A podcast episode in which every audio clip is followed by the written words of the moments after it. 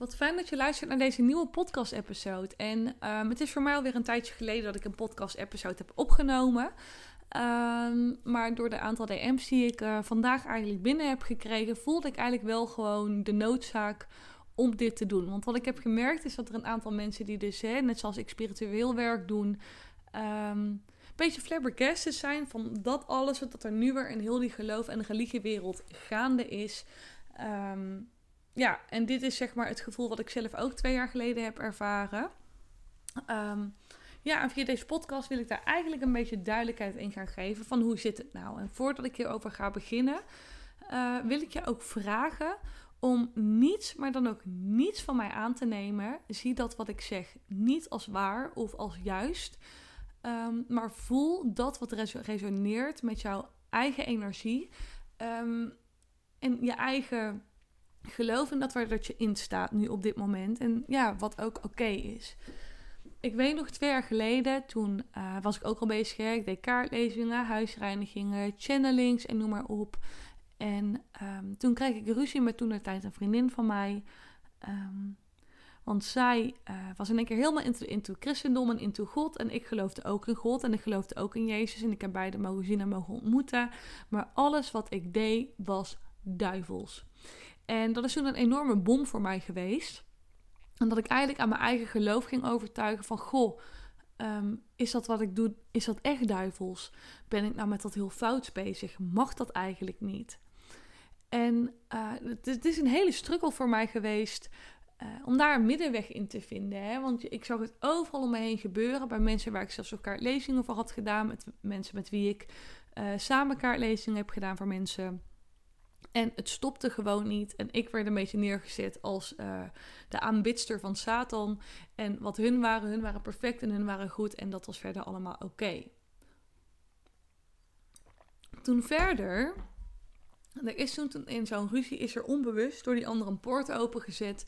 Waardoor ik een energetische aanval heb gekregen van een uh, ja, demonische slang of een slang eigenlijk vanuit de onderwereld. Um, die dat me helemaal eigenlijk, hè, zoals dat je de film uh, Mowgli kent, hoe dat die slang om Mowgli heen gaat, zo kwam die slang ook ja, om mij heen. En dat was toen voor mij de bevestiging van hé, hey, maar wacht eens even. Want hoe kan dit gebeuren terwijl dat ze zich net allemaal bekeerd hebben en noem maar op en er is een ruzie gekomen.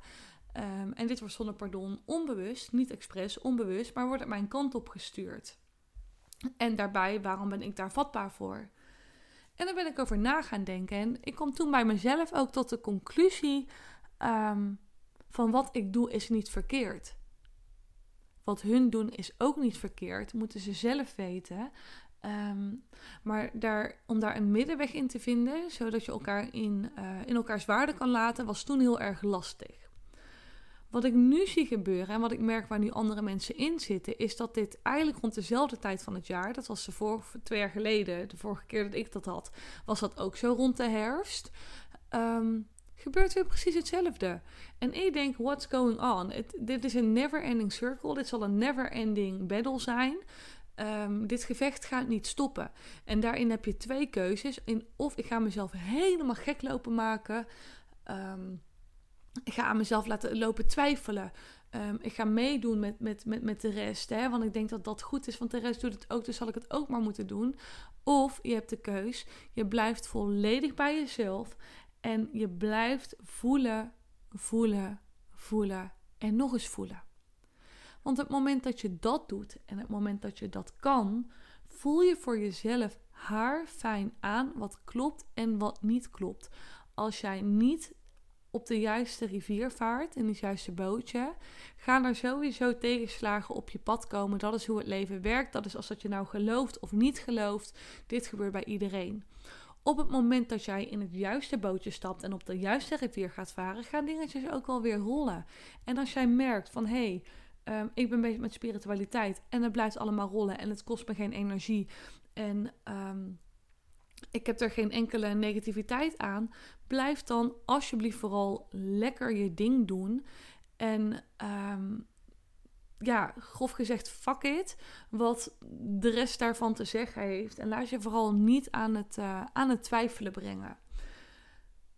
er is een uh, bepaalde discussie ook tussen spiritualiteit en de New Age beweging. En dat New Age eigenlijk per definitie um, aan de spiritualiteit wordt gekoppeld. En als ik dan naar mezelf ga kijken, nou ja, ik hoor voor mijn gevoel en vanuit het werk wat ik doe, niet bij die New Age beweging. Um, vanuit de New Age beweging zijn er ook bepaalde dingen waar ik het niet mee eens ben. Dat is vooral de beweging in mijn wereld. En als dat je nou luistert en je denkt, hé, hey, dat zie ik anders. Um, laat het me er vooral even weten. Maar in mijn wereld is dat uh, alles is licht en liefde. En uh, meditatie is de oplossing. En je moet mediteren om een beter mens te worden. En je moet manifesteren om je ding klaar te krijgen. En uh, je moet dit, je moet dat en je moet zus en je moet zo in mijn ogen is dat de New Age beweging. En dat is iets waar ik mij niet mee associeer. En ik weet ook dat hè, mensen die me hierop aangesproken hebben, zich daarmee ook niet associëren. Want het leven is niet licht en liefde. Als je nou in spiritualiteit gelooft of niet. Iedereen, bijna iedereen, of misschien niet bijna iedereen, dat is weer zo'n lekker containerbegrip, um, heeft op het begin van zijn of haar reis kracht eruit kunnen halen uit alles is licht en liefde. Daar heeft vergeving in gezeten, daar heeft kracht in gezeten, daar heeft liefde in gezeten. Maar daarin uh, zijn ook heel veel mensen de, de valkuil in, in gegaan. Hè? Door op die roze wolk te blijven zitten met oh en alles is mooi en alles is lief en iedereen is lief. Maar je wordt al heel snel weer van die wolk afgedonderd op het moment dat je het ook daadwerkelijk um, anders gaat zien. En gaat ervaren met niet alles is licht en liefde. En er zijn ook echt helaas slechte mensen op de wereld. Niet iedereen heeft de juiste intenties. Um, je gaat eerlijk naar jezelf reflecteren. Van ik heb misschien ook niet altijd de juiste intenties gehad. En dan kom je veel meer um, tot jezelf en tot je eigen kracht. En dan gaat alles veel meer openstaan en um, stromen als ik ga kijken naar dat wat er nu gebeurt met mensen die zich in één keer laten bekeren, en hè, dan wordt er gepraat over godsliefde en godsweg. We moeten die weg bewandelen. Daarin zit ook een honeymoon fase, waarin dat ze nu ook allemaal, en misschien is dat wel voor jaren, zoals bij sommigen ook de spiritualiteit is geweest, maar waar dat je ook op een roze wolk zit, totdat je er in één keer weer vanaf klapt en, en, en vanaf rolt, en dat je denkt, hey shit, maar hierbij is het dus ook. En dit zal ook een never ending circle zijn. En jij bent degene die beslist. Um, wat ga ik ermee doen en wat wil ik ermee doen? Wil ik er wel wat mee doen of doe ik er misschien wel helemaal niks mee en laat ik het voor wat het is? Het blijft bij ieder geloof zo. Je kan nog zoveel bidden, je kan nog zoveel mediteren, uh, maar lost je eigen schaduwstukken niet op in mijn ogen is dat op dit moment wel de manier in hoe dat heel deze hype weer geprofileerd wordt. Er wordt nu ook verteld, nou, spiritualiteit begint een hype te worden. Ja, ben ik het volledig, volle 100% mee eens. Uh, want spiritualiteit is meer dan, dan uh, mediteren. Spiritualiteit is meer dan journalen, het is meer dan channelen, het is meer dan kaartlezen. Um, wij als mens doen hier eigenlijk al een, een, een aardse ervaring op. Maar die spiritualiteit is ook nodig. Het is een soort van yin en yang. Ehm, maar dat is ook weer aan die andere kant. Hè? Uh, bidden gaat het niet oplossen. Uh, vasten gaat het niet oplossen. En al deze dingen. Dus je leeft nou eenmaal in een wereld waar polariteiten zijn. Leer er dan ook gewoon mee omgaan, mocht je dit willen. En laat andere mensen echt, alsjeblieft gewoon in zijn of haar waarde en hun ding doen. Het blijft ook voor altijd een grote vraag: wie is God? Wie is de duivel? Wie of wat is, is de kosmos? Wie of wat stuurt hier uh, de aarde aan? Um, de onstoffelijke wereld kan je niet bewijzen. De mensen die roepen: Ik volg de weg van God, is ja, maar welke van, de weg van welke god? Satan is de god van de onderwereld. Zeus is, is, is de dondergod. Um, dan hebben we nog Athena. We hebben uh, Poseidon. We hebben god weet hoeveel goden dat er bestaan. We hebben Boeddha. We, we, we, we, hebben, we hebben Allah. We kennen zoveel goden. Dus welke, welke god volg je?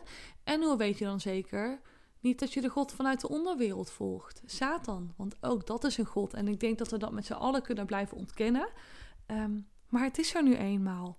En als dat jij nu met spiritualiteit bezig bent, of je bent bezig met religie, Satan zit ook in onszelf. Het is ook een archetype, los van het feit dat het een god is.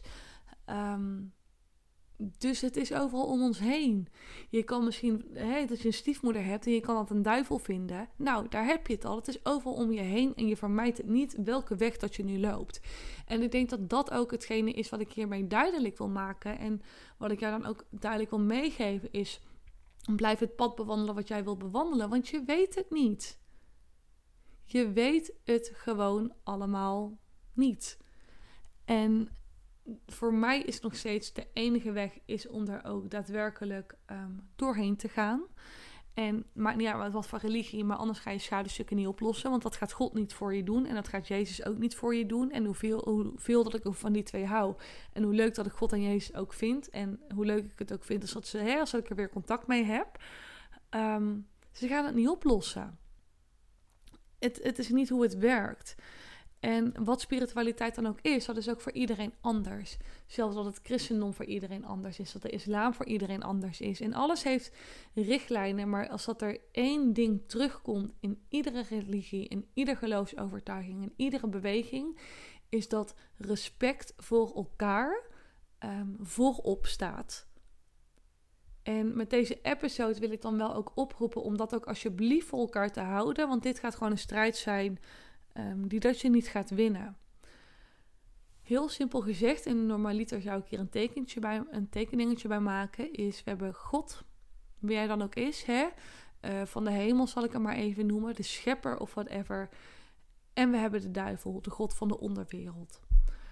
God en de duivel hebben beide poppetjes onder zich staan, die dat eigenlijk alles hier op aarde um, beïnvloeden. We hebben de engelen, we hebben de gidsen, we hebben de lichtmeesters, we hebben de demonen, we hebben de schaduwfiguren.